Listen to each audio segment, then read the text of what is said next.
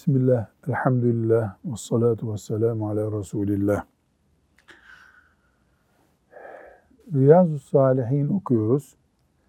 Riyazu Salihinden de dünya malı, dünya hayatımızı genel olarak ele alan hadisi şerifler, dünyada infak etmeyi, veren el olmayı, alan el olmamayı, yani mal, insan ilişkisini geniş bir çapta bize öğütleyen Peygamber sallallahu aleyhi ve sellem Efendimizin hadis-i şeriflerini dinliyoruz. 528. hadisi şerifteyiz. Hafız Salih hadis-i şerifi okuyalım. Hakim İbni Hizam radıyallahu anh'ten rivayet edildiğine göre Peygamber sallallahu aleyhi ve sellem şöyle buyurdu. Üstteki el alttaki elden hayırlıdır. Harcamaya geçimini üstlendiklerinden başla. Sadakanın iyisi ihtiyaç fazlası maldan verilendir. Dilenmekten sakınmak isteyenleri Allah iffetli kılar. Halka karşı tok gözlü davranmak isteyenleri de Allah insanlara muhtaç olmaktan kurtarır. Evet. Bu mübarek hadisi şerif insan elini malla buluşturduğunda dört sınıfta ele alıyor. Dört tane el var. Bir, veren el var. İki, iffetlik alan yani insanların malında tenezzülü olmayan el var. Ee, bu ne demek? Vermiyorsa da almıyor. Üçüncüsü verilen hediyeyi, sadakayı kabul eden el var. Dördüncüsü de dilenci eli var. Dilenen el var. Bu dört el, veren el, minnetsiz, iffetli yaşayan el, verileni kabul eden el ve e, dilenen, yüz suyu döken el.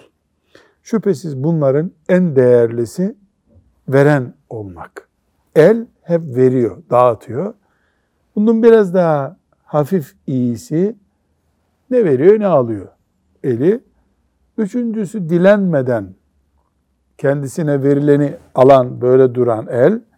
Dördüncüsü de dilenen, hep sürekli almak için uzanan el. Bu eller arasında Efendimiz sallallahu aleyhi ve sellem en üstün eli tarif ediyor. Veren el ol diyor. Veren el. Veren el olamıyorsan bari yalvarmayan, tenezzül etmeyen, yüz suyu dökmeyen ol. Onu da olamıyorsan bari dilenme. Ondan sonrası dilenmek oluyor ki o yüz suyu döküyor. Hadis-i şerif e, bir hususu daha bize e, tarif ediyor veya öğretiyor. Müslüman sorumluluğu altındakileri geçindirirken bir sıralamaya tabi tutması lazım. Mesela kendi çocuğunu geçindirirken Müslüman ve komşusuna iyilik yaparken kendi çocuğu yüzde yüz onun ne? sorumluluğunda öbürü ise yüzde yüz değil. Çocuğundan, çocuğun nafakasından artan durum olursa mesela ancak çocuklarının ekmeğini karşılayabiliyor. Ev kirasını karşılayabiliyor bir Müslüman. Bunun komşuya sadaka vermesi ikinci bir iş. Önce birinci işi bitirecek. Anne baba bakmak zorundaysa mesela yine aynı şekilde uzağa sadaka e, göndermeyecek. Göndermemesi gerekiyor. Yani hadisi şerif el sıralaması yaptı. Bu arada bize geçindirmekle yükümlü olduklarımızın da bir sıralaması olduğunu gösteriyor. Bir üçüncü hadisi şeriften öğrenilecek şey, e, insan onurlu davranıp elini dilenen el yapmadığı zaman Allahu Teala onun rızkını artırıyor. Evet, görünürde dilenen kelepur bir para buluyor veya rızkını bedavadan temin ediyor görünüyor. Ama insan iffetli davrandığı zaman yani iffet yüz suyu dökmeme manasında davrandığı zaman Allah onun elindeki az olana da bereket veriyor. Bir dördüncü husus da alimler bu hadisi şerif ve benzeri hadisi şeriflerden yola çıkarak bir insanın malının tamamını sadaka içinde olsa elinden çıkarmasını teşvik etmiyorlar. Teşvik edilen bir şey değildir diyorlar. Ne gibi? Mesela işte benim 100 bin liram var diyelim. Tamamını işte filan camiye veriyorum şeklinde bilhassa insan duygusal günlerinde heyecanlı bir konuşma dinliyor veya birisine sinirleniyor. Çocuklarından birine sinirleniyor. Bakıyor ki şu kadar param var. Hepsini verdim filan yere diyor. Bu teşvik edilen bir şey değil. Denir ki mesela Ebu Bekir radıyallahu anh e, geldi Efendimiz sallallahu aleyhi ve sellem elindeki her şeyi verdi. Niye teşvik edilmiyor? Sorusuna cevabımız Ebu Bekir radıyallahu anh tüccar bir insandı.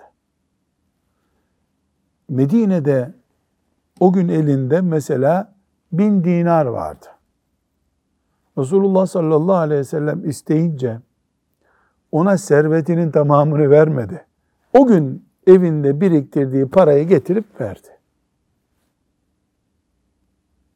Mesela bugün nasıl olur bu? Bir tüccar oturur, beş tane, on tane e, sattığı malı vardır ya da toptancıdır. Birisi gelip sadaka ister, kasasında ne toplarsa e, bugün mesela 5 bin lira vardı kasada, 5 bin lirasını verdi.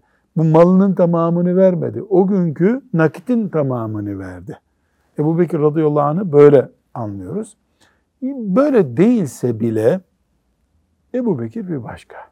Verdikten sonra da mızmız etmedi ama.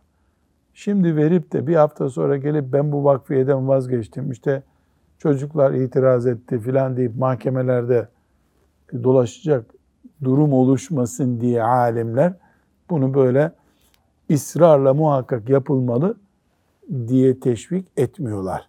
Usul böyle. Evet bir sonraki hadisi şerife geçelim. Ebu Abdurrahman Muaviye İbni Ebi Süfyan Sahr İbni Harb radıyallahu anhuma'dan rivayet edildiğine göre Resulullah sallallahu aleyhi ve sellem şöyle buyurdu. Dilenmekte ısrar etmeyiniz. Allah'a yemin ederim ki sizden biri benden bir şey ister de hoşuma gitmemesine rağmen benden bir şey koparırsa verdiğim malın bereketini görmez. Evet. Yani bu Efendimiz sallallahu aleyhi ve sellemin e, kendisine ait. Yani benden çok fazla baskı yapmayın bana. E, illa ver, illa ver demeyin. Ben e, sizin baskınızdan kurtulmak için veririm ama bunun hayrını görmezsiniz siz. Hadisin aslı böyle bu kadar. Ama bu bize de yansıyor. Yani Müslüman demek ki günlük ihtiyacı varsa yani bugünkü ekmek temin edildiyse yatırım yapar gibi dilenmemeli. Bunun bu sebeple Efendimiz sallallahu aleyhi ve sellem bu hadisi şerifinden e, yola çıkarak ve benzeri hadis-i şeriflerden elinde yiyeceği ve giyeceği bulunduğu halde e, meslek edinip dilenenin kazandığının haram olduğunu söylemişlerdir. Efendimiz sallallahu aleyhi ve sellemin cümlesinden bu anlaşılıyor. Peki öbür hadis-i şerife geçelim. Ebu Abdurrahman Avf İbni Malik el-Eşca'i radıyallahu anh şöyle dedi. Biz 9 veya 8 yahut 7 kişilik bir grup Resulullah sallallahu aleyhi ve sellemin yanında oturuyorduk. Bir grup arkadaş Resulullah sallallahu aleyhi ve sellemle beraber oturuyorduk. Bize Allah'ın elçisine biat etmez misiniz buyurdu. Biat ne demek? Biat sözleşme yapmak demek. Mesela geliyor Resulullah sallallahu aleyhi ve sellemle biat ettik diyor. Ne demek biat ettik? Sözleştik. Umumiyetle de el ele tutuşarak e, böyle mi? Böyle. Tamam mı? Tamam. Kabul ettin mi? Ettim. Buna biat deniyor. Böyle bir Resulullah sallallahu aleyhi ve selleme beyat etmez misiniz? sorusunda yani sizinle bir sözleşme yapsam bunu kabul etmez misiniz? Demek oluyor bu. Oysa biz yeni biat etmiştik. Biz bunu daha önce konuşmuştuk. Bu sebeple ya Resulallah biz sana biat ettik ya dedik. Sonra tekrar Allah'ın elçisine biat etmeyecek misiniz buyurdu. Bu defa biat için ellerimizi uzattık. Herkes uzattık. elini uzattı. Ya Resulallah biz sana biat etmiştik. Şimdi ne üzerine biat edeceğiz dedik. Allah'a kulluk edip ona hiçbir şeyi ortak koşmamak, beş vakit namazı kılmak, itaat etmek, sesini alçaltarak bir cümle söyledi ve kimseden bir şey istememek üzere biat edeceksiniz buyurdu. Şimdi bak Salih Hafız bu son paragrafı bir daha okuyacağız. Resulullah sallallahu aleyhi ve sellemin ashab-ı kiramı yetiştirdiği ahlak kalitesi, kendine özgüveni, bu hadis-i şeriften ortaya çıkıyor, özgüvenli ve öncelikli konular, iman, şirk, salat, şahsiyetli olmak, yani bu konuları nasıl sıralıyor Efendimiz sallallahu aleyhi ve sellem? Yani önündeki adamlar ne diyorlar? Biz zaten bunları konuşmuştuk ama bir daha yapacağız diyor. O bir dahayı okuyalım şimdi. Allah'a kulluk edip Allah'a kulluk edeceksiniz. ona hiçbir şeyi ortak koşmamak, Sağlam imanlı. beş vakit namazı kılmak, Beş vakit namazı kılacaksınız. itaat etmek Söz dinleyen Müslüman olacaksınız. ve sesini alçaltarak bir cümle söyledi ve kimseden bir şey istememek üzere biat edeceksiniz. Kimseden bir şey istemeyecek. Allah'a iman eden, şirk koşmayan, itaat eden insan yüz suyu dökerse, isterse, dilenirse bu büyük iman adamının kalitesini düşürür. Şahsiyet zafiyetine uğratır. Bunu yapmayacaksınız. Tamam mı? Bu sormuş. Evet. Avf bin Malik diyor ki yemin ederim ki bu gruptan bazılarını görürdüm. Kamçısı yere düşerdi de kimseden onu kendisine vermesini istemez. Ne demek kamçısı? Yani hayvana binince elinde bir kamçı oluyor ya, küçük bir çubuk hayvan. O hayvana binerken düşüyor diyelim. Şunu verir misin diye insan yanındakinden ister. Halbuki Efendimiz istemek deyince neyi kastediyor? Para istemeyin diyor, yemek istemeyin diyor. O bir istemek değil ki yardım alıyorsun ondan. Onu bile asla yapmadılar. Bu neyi gösteriyor? Ashab-ı kiramın Efendimiz sallallahu aleyhi ve sellemi nasıl dikkatli dinlediklerini. O onlara milletten yemek istemeyin buyurdu. Onlar bunu biraz daha ileri götürdüler. Hayvanın kamçısı yere düşüyor. Onu birinden al, iniyor hayvandan. Alıyor onu, tekrar biniyor hayvanına. Bu neyi gösteriyor? Resulullah sallallahu aleyhi ve sellemin ashabının, Allah onlardan razı olsun, sözünü nasıl dikkatli dinlediklerini, nasıl vefa gösterdiklerini gösteriyor. Hadis-i şerif genel olarak da bize ne öğretiyor? Müslümanlık Allah'a imandır. Müslümanlık asla şirke yanaşmamaktır. Müslümanlık namaz kılmaktır. Müslümanlık söz verdiğin yerde itaat etmektir. Müslümanlık yüz suyu dökmemektir. Evet, geçelim öbür hadis-i şerife. İbn Ömer radıyallahu anhuma'dan rivayet edildiğine göre Nebi sallallahu aleyhi ve sellem şöyle buyurdu. İçinizden birilerinin yüzünde bir, parça et bile kalmamış olduğu halde Allah'ın huzuruna çıkacağı güne kadar dilencilik aranızda sürüp gidecektir. Yani yüzündeki et neden yüz suyu dökmek diyoruz ya. Dilendikçe insan ne oluyor? Yüz suyu döküyor. Sanki et kalmamış yüzünde. O kadar her şey dökülmüş. Bu dilencilik böyle sürüp gidecek. O yüzden Efendimiz sallallahu aleyhi ve sellem dilenmeyi yasaklamış oldu. Devam edelim öbür hadis-i şerifte. Yine İbn Ömer radıyallahu anhuma'dan rivayet edildiğine göre Resulullah sallallahu aleyhi ve sellem minber üzerindeyken sadaka vermekten, dilenmeyip iffetli yaşamaktan bahsetmiş ve şöyle buyurmuştur. Üstteki el alttaki elden hayırlıdır. Üstteki el veren, alttaki else dilenip alan eldir. Evet. 528. hadis-i şerifte biraz önce bunun şerhi geçmişti. Öbür hadis-i şerife geçebiliriz. Ebu Hureyre radıyallahu anh'ten rivayet edildiğine göre Resulullah sallallahu aleyhi ve sellem şöyle buyurdu. Mal biriktirmek için dilenen gerçekte kor istiyor demektir. Kor neye diyoruz? Yeni gençler bunu bilmiyor olabilir. Mangalda kömür yanıyor da kıpkırmızı oluyor ya. Ona kor. Kor. Neyi temsil ediyor bu? Cehennemi temsil ediyor. Yani ihtiyacı yok aslında stok yapmak için. Bir dahaki ayın masraflarını çıkarmak için dileniyor. Bu aslında ne yapıyor? Kor biriktiriyor. O korda kim kavrulacak? Kendisi kavrulacak. Artık ister az ister çok dilensin. Peki başka bir örnek yani bu dilenmeyi cami kapısında dilenmenin daha geniş bir alanında düşünelim istiyorum. Şimdi belediye kömür dağıtıyor, insanlara yardım ediyor yani fakirlik kalksın diye. Ee, yani mesela bir kamyon kömürü getirip kapısına yığacak durumdaki biri hazır belediye dağıtıyor diye devletin malından almasını nasıl karşılayacağız? O da bir dilenme çeşidi değil mi? O da kor değil mi? Yani belediye bunu seçemiyor olabilir. Ee, ya da belediye bunu yani vereyim vatandaşa ne yaparsa yapsın diye düşünüyor olabilir. Başka bir kasıt da olabilir belediyede. Müslüman dilenmeyi yasaklamış, yüz suyu dökmek olarak kabul etmiş bir peygamberin ümmeti sallallahu aleyhi ve sellem.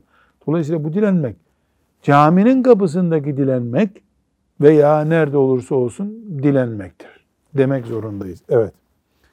Bir sonraki hadisi şerifimizde e, bu belediyelerden dedik ya şimdi ona rastladı. 534. hadis-i şerif.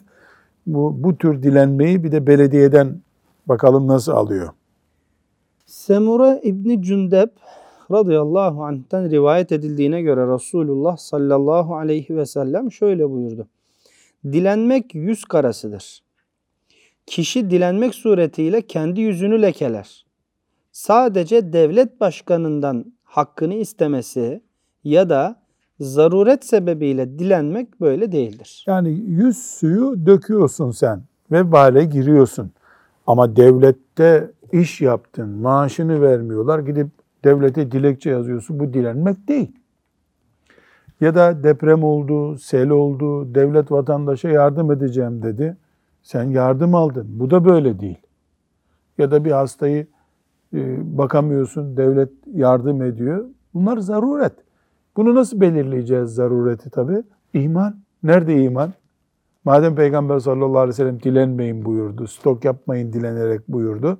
Herkes imanı kadar peygambere itaat edecek ya da Allah muhafaza buyursun e, yüz suyu dökecek. O yüz suyu da ahirette nasıl çıkacak? Yüzünde et kalmayacak kadar sakıncalı bir şekilde olacak. Maazallah. Evet. İbn Mes'ud radıyallahu anh'ten rivayet edildiğine göre Resulullah sallallahu aleyhi Sallallahu ve sellem şöyle buyurdu. Kim ihtiyaç içine düşer de bunu insanlara açarsa ihtiyacı kapanmaz. Bu cümleyi bir daha söyle. Kim ihtiyaç içine düşer de bunu insanlara açarsa ihtiyacı kapanmaz. Kim de ihtiyacını Allah'a arz ederse Allah'ın hemen veya ileride o kimseye rızık vermesi umulur. Hadis-i şerif e, insanın arkadaşlarına ya ben bu ay kirayı ödeyemiyorum. Bir türlü borçlarımı ödeyemiyorum demesini mi yasaklıyor? Hayır. Hayır. Bunu yasaklamıyor. Neyi yasaklıyor? Sen delikanlı adam. Kahvede oturuyorsun, vakıfta oturuyorsun. Fakirlikten, işsizlikten dem vuruyorsun ama gidip çalışmıyorsun. Yani insanların seni geçindirmesini istiyorsun. Bunu yasaklıyor. E, ben aradım iş bulamadım. Ne zaman aradın? Geçen sene aramıştım. Yoktu. Tabii buradaki ciddiyeti ne kadar samimi olduğumuzu kalp meselesi Allah Teala biliyor.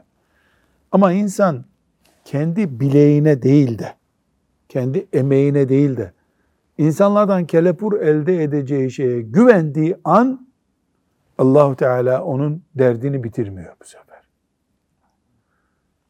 Allah'a güvenmeni istiyor. Peki Allah'a güvenimin işaretine çalışmak. Asgari ücretle de olsa çalışıyorum. Gidip yarım mesai daha yapıyorum. Bu Allah'a güvendiğimi gösteriyor. Çünkü Allah bana kol vermiş, ayak vermiş, el vermiş, iş yapacak beden vermiş. Çalışıyorum. Bunu yapmadığım zaman işte e, bu Allahu Teala'nın beni yardımından mahrum etmesi anlamına geliyor. Bu hadisi şerifte üç nokta var. Birincisi kul Allah'a sığınmayı bilecek. Duasıyla, bedensel eylemiyle. İkincisi de ne kadar Allah'tan başkasına dayanırsan o kadar yalnız kalıyorsun aslında. Anlattıkça derdini başkalarına, o anlattığın dert seni biraz daha yalnızlaştırıyor. Geçici bir rahatlıyorsun sen. Geçici bir rahatlıyorsun. Ama kimse senin için oturup ağlamıyor. Kimse senin derdinle dertlenmiyor. Halbuki Allah'a muhtaç olduğunu bilip teheccüde kalkıp ya da sabah namazından sonra Rabbine sığınsaydın daha bir önün açılacaktı senin ve aynı şekilde sabrın kıymetini bilmeyi, sabrı da bu hadis-i şerif ne yapıyor?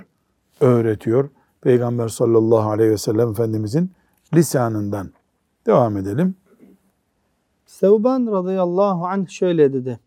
Resulullah sallallahu aleyhi ve sellem kim bana halktan hiçbir şey dilenmeyeceğine dair söz verirse ben de ona cenneti garanti ederim buyur. Ya Allah bunu bunu bir daha oku Salih Hoca.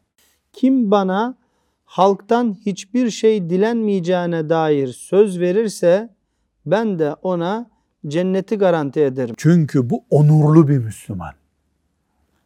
Derdini içine gömüyor, insanlara e, sürtünmüyor, insanlara yalta, yataklık yapmıyor, yaltaklık yapmıyor. Yani ciddi duruyor. Bu ciddiyetin karşılığı ne olur? Cennet olur elbette. Evet. Bunun üzerine ben söz veriyorum dedim. Kim? Sevban, Sevban. radıyallahu anh. Ravi diyor ki Sevban hiç kimseden hiçbir şey istemiyor. İşte sahabe bu. Peygamber aleyhisselam ne diyor? Söz verin bir şey istemeyeceğinize ben de size cenneti söz vereyim. Tamam ya Resulallah söz veriyorum diyor. Bir daha onu bir şey isterken gören olmuyor. Karşılığında ne aldı Sevban radıyallahu anh şimdi? Cennet aldı biiznillahü teala.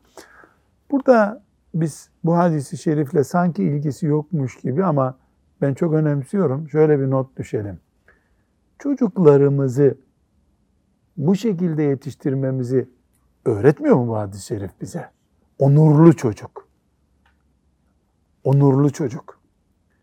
İstemeyi kendisine yakıştıramayan çocuk. Yetiştirmemiz lazım. Neden? Çünkü Efendimiz sallallahu aleyhi ve sellem ashabına ne buyuruyor? Ben sizin babanız sayılırım diyor. Sizi baba gibi değil mi? Hadis-i şerifte okumuştuk. Ben sizin babanız sayılırım diyor. O çocuk gibi gördü onları yetiştirdi. E biz de çocuklarımıza hem örnek olarak bir şey istemeyen, her şeyde başkasından yardım almayı denemeyen birisi olarak kendimizi hem de çocuklarımıza vereceğimiz eğitimi bu mantıkla vermemiz lazım. Çünkü isteyen çocuk yüzü yıpranmış çocuktur. Sallallahu aleyhi ve sellem Efendimiz bunu öğretmiş oluyor. Şimdi 537. hadisi şerife geçelim. Ebu Bişir Kabisa İbnil Muharik radıyallahu anh şöyle dedi. Yüklendiğim bir kefalet borcu yüzünden Resulullah sallallahu aleyhi ve selleme başvurdum. Kefalet ne demek? onu da tarif edelim. Şimdi gençler bizi dinliyor, anlamıyorlar, kabul ediyoruz ama kefalet hukuku bir kavramdır. Benim Talha Hoca'ya bin lira borcum var. Ya da bin liralık bir alışveriş yapıyoruz. Talha Hoca diyor ki, e bana bir kefil göster diyor. Ne demek kefil? Sen bu parayı mesela bir ay sonra ödeyeceğim diyorsun. Ödeyemezsen Hasan Hoca'ya kefil oluyor musun? Hasan Hoca da diyor ki tamam ben kefil oluyorum. Nurattin öder bu borcu diyor. Ben onun senedine imza atıyorum. Bin lira borcum var. Şu tarihte ödeyeceğim. Hasan Hoca da ben de hoca ödemezse Nurattin Yıldız ödemezse ben ödeyeceğim diyor. imza atıyor. Talha Hoca'nın elinde iki imzalı bir senet var. Biri benim imzam. Ben borçluyum. Hasan Hoca borçlunun kefili. Yani ödemezse ben ödeyeceğim diyor. Bu hem şimdiki hukukta hem şeriatımızda ne anlama geliyor? Borçlu ödemediği dakikada otomatik ödeyecek o. Mesela 30 Mayıs'ta bu borç ödenecek yazıyor. 31 Mayıs'ta e, e, Talha Hoca avukata gidiyor, ödemedi diyor. Avukat e, kefili arıyor, bu parayı ödeyin diyor. Ya da bankadaki hesabından kesiyorlar. Bunda dinen bir sakınca var mı? Yok. Ayet zaten böyle, hadis-i şeriflerde böyle. Bu zat da kefil olmuş böyle bir borca. Bana bekle biraz. Sadaka malı gelsin. Ondan sana verilmesini emrederiz dedi. Yani Son- devletten yardım, yardım istiyor. Sonra da şöyle buyurdu. Ey kabisa! Dilenmek yalnızca üç kişi için helaldir. Kefalet üstlenen kişi ki borcunu ödeyinceye kadar dilenmesi helaldir. Sonra dilenmekten vazgeçer. Çünkü kefalet üstüne almış ve aksilikte onun da parası yok. Öbürü de nasıl olsa kefil var diye kaçmış gitmiş. O yolda kalmamak için, çocuklarını aç bırakmamak için dilenebilir. Bütün mal varlığını yok eden büyük bir felakete uğramış kişinin geçimini yoluna koyacak kadar yahut ihtiyacını giderecek kadar dilenmesi helaldir. Bu da ne, ne buna ne diyoruz şimdi bu şeyde? İflas etti diyor. Battı. İflas başka bir şey. Şimdi iflas biraz daha herhalde kolay bir şey. Yani ticareti gitti adamın ama sermayesi gitti, evi evi duruyor. Bir de battı oluyor. Gelen giden hacizde her şeyini şeyi. alıyor. Bunun da dilenmesi Helal. caiz. Ama işin- Ama ne kadar? Yeniden şirket kurana kadar değil. Yani aç kalmamaya, kalmayacak kadar çocuklarının ayakkabısını alacak kadar. hakkında Üçüncüsü kim? evet hakkında kendisini tanıyanlardan aklı başında üç kişinin filan fakir düştü diyecekleri kadar fakru zarure- zarurete uğramış kişinin geçimini temin edecek kadar dilenmesi helaldir. Yani biz de buna ne diyoruz? E, Kirasını veremiyor, ev, ekmek alamıyor evine. Ama tabii ekmek alamıyor derken üç tane akıllı adam da diyecek ki bu çalışamaz garip. Bu, bu geçinemez. Böyle pehlivan gibi adam oturuyor geçinemiyor ona helal olmuyor dilenmek. Niye helal olmuyor? Öyle olursa herkes dilenir. Evet. Ey kabisa bu hallerin dışında dilenmek haramdır. Dilenen haram yemiş olur. Bu üç kişiyi bir daha özetleyelim. Kime kime Efendimiz sallallahu aleyhi ve sellem izin veriyor? Kefaletini üstlenen kişiye Kefaletin üstlenen kişiye. borcunu ödeyinceye kadar dilenme hak izni var. Bütün, Kefalet anladık kefaletin ne olduğunu. ikinci olarak bütün mal varlığını büyük bir batmış, felaketle kaybetmiş. batmış. De- Deprem, yangın.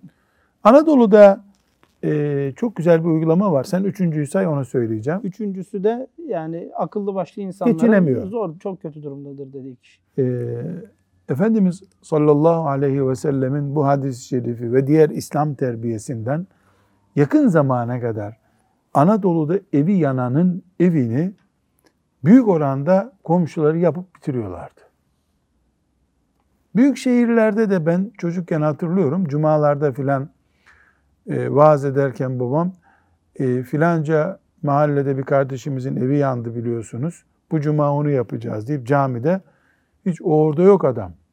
Başka bir yaşlı hacı dede gelip parasını toplar adamın evini yaparlardı. Şimdi büyük şehirlerde bu zor oluyor. Bir de sigorta, devlet bu işler şimdi artık yani bir tür devlete havale oldu. Ee, biz böyle çok büyük bir felaketlerde filan insanlardan yardım isteniyor. Yani çok hoş bir şey bu insanı. Orada mesela zekattan da veriliyor, sadakadan da veriliyor. Herkes böyle toplu bir yardım yapıyordu. Müslümanlığın güzelliklerinden biri olarak yansıyordu. Bu hadisi şerif Müslümanın bir saygınlığı var. Bu saygınlığı korumayı burada teşvik etmiş oluyor. Bir de insanlar kefalet yüzünden e, kendileri de bir afet yaşamasın diye bir teşvik olmuş oluyor. Evet. Bir sonraki hadis-i şerife geçelim. Ebu Hureyre radıyallahu anh'ten rivayet edildiğine göre Resulullah sallallahu aleyhi ve Sallallahu sellem. şöyle buyurdu. Miskin bir iki lokma veya bir iki hurma için kapı kapı dolaşan kimse değildir. Asıl miskin ihtiyacını karşılayacak bir şeyi bulunmadığı halde durumu bilinmediği için kendisine sadaka verilemeyen ve kendisi de kalkıp insanlardan bir şey istemeyen kimsedir. Evet. Yani bir adam var cazgır veya bir kadın cazgır. Yani öyle bir şey ki yanıyor çocuğu zannediyorsun. Ağaçtan 6 aydır yemedi zannediyorsun. Halbuki yani fazlaya ihtiyacı var onun. Aslında yiyecek şeyi var. Bir başka insan da sıfır ama onurlu, yıpratmıyor kendini. Ee, Müslümanlık şahsiyetini, mesela kadındır, e, kadınlığından dolayı çıkıp komşulardan bir şey isteyemiyor. Bu düzeyi gösteriyor. 266. hadiste bu geçmişti bir kere daha orada izah etmiştik. Bu gösteriyor ki sadaka verecek durumdaki Müslümanlar yani sadaka verecek kadar varlığı olanlar kapısına sadaka için gelenleri beklemeyecekler. Kendileri gidip arayacaklar. Asıl aranması gereken onlardır. Ayette de ona işaret ediliyor ya. Yani Yahsebuhumul cahil Agniya. minet ta'affuf. onurlu oldukları için insan uzaktan onları zengin zanneder. Halbuki adamın e, yiyecek içeceği yok evinde. E, sadaka vermekle mükellef olan Müslüman bu arayışı yapmalı. Sevap istiyorsa Allahu Teala'dan tabi. Evet burada e, 539. hadisi şerife geldik. Bu hadis-i şerifi e, Nevevi rahmetullahi aleyh buraya yerleştirmiş. Bir insanın dilenmeden, yüz suyu dökmeden verilen sadakayı almasının caiz olduğunu, yani şimdiye kadar hep almayın, dilenmeyin buyurdu ama ben dilenmedim. Öğrenciyim diye getirip bana burs verdiler. Bu yetimleri sen bakamazsın, zorlanırsın diye getirip sadaka verdiler. Bunu geri mi atacağız şimdi? Yani almayın sözü bunu meslek haline getirmeyin, dilenmeyi meslek haline getirmeyin için söyleniyor. Bu 539. hadisi şerifi okuyalım. İnşallah bundan istifade ederiz. Salim İbni Abdillah İbni Ömer, babası Abdullah İbni Ömer'den, o da Ömer radıyallahu anhum'den rivayet ettiğine göre Ömer şöyle dedi. Resulullah sallallahu aleyhi ve sellem arada sırada bana gazilik bahşişi verirdi. Nedir gazilik bahşişi? Şimdi de var o. Savaşa katılıp gazi olanlara devlet şimdi maaş bağlıyor. Efendimiz sallallahu aleyhi ve sellem maaş bağlamadı da ne yaptı? İşte eline mallar geçtikçe Bedir'e katılanlara, Uhud'a katılanlara maaş verdi. Ben de kendisine bunu benden daha fakir, ihtiyaç içinde kıvranan birine verseniz dedim. Resulullah sallallahu aleyhi ve sellem de cevaben sen bunu al. Göz dikmediğin ve istekli de olmadığın halde sana gelen böylesi malı al. Kendine mal et, ister ye, ister tasadduk et. Fakat böyle olmayan bir malın peşine de düşme. Evet, burada çok açık bir şekilde ne anlıyoruz? Almayan adam olacaksın. Dilenmeyen, yalvarmayan, yüzü dökmeyen adam olacaksın. Ama Allah sana bir yerden bir sadaka gönderdi. E Bunu sen istemedin. Allah'ın nimeti bu. Alırsın, Ben kimsenin e, verdiğini çocuklarıma yedirmek istemiyorum diyen bir düşüncen olur. Güzel bir şey mi bu? Güzel tabii. Ne yaparsın? Bu sana gelen e, sadakayı, hediyeyi sen de götürür bir daha fakir birine verirsin. Böylece sen sadaka veremeyecek bir Müslüman olduğun için kaybettiğin o sadaka verme sevaplarını yakalamış olursun. Burada Efendimiz sallallahu aleyhi ve sellem e, kendisine ben böyle sadakalık bir adam değilim ya Resulallah. Daha ağır olanlar var. Durumu daha kötü olanlar var. Onlara verseniz diyen sahabeye ne yapıyor? Tamam bu doğru bir hareket ama al bundan istifade et diyor. Sen de birine ver. Çünkü bu senin yüzde yüz senin olacak bu. Yüzde yüz senin olacak. Helal mi ona? Helal. Bal gibi helal. Yese de helal. Sadaka verse de helal. Sadaka verse böylece eline bir fırsat geçmiş olacak.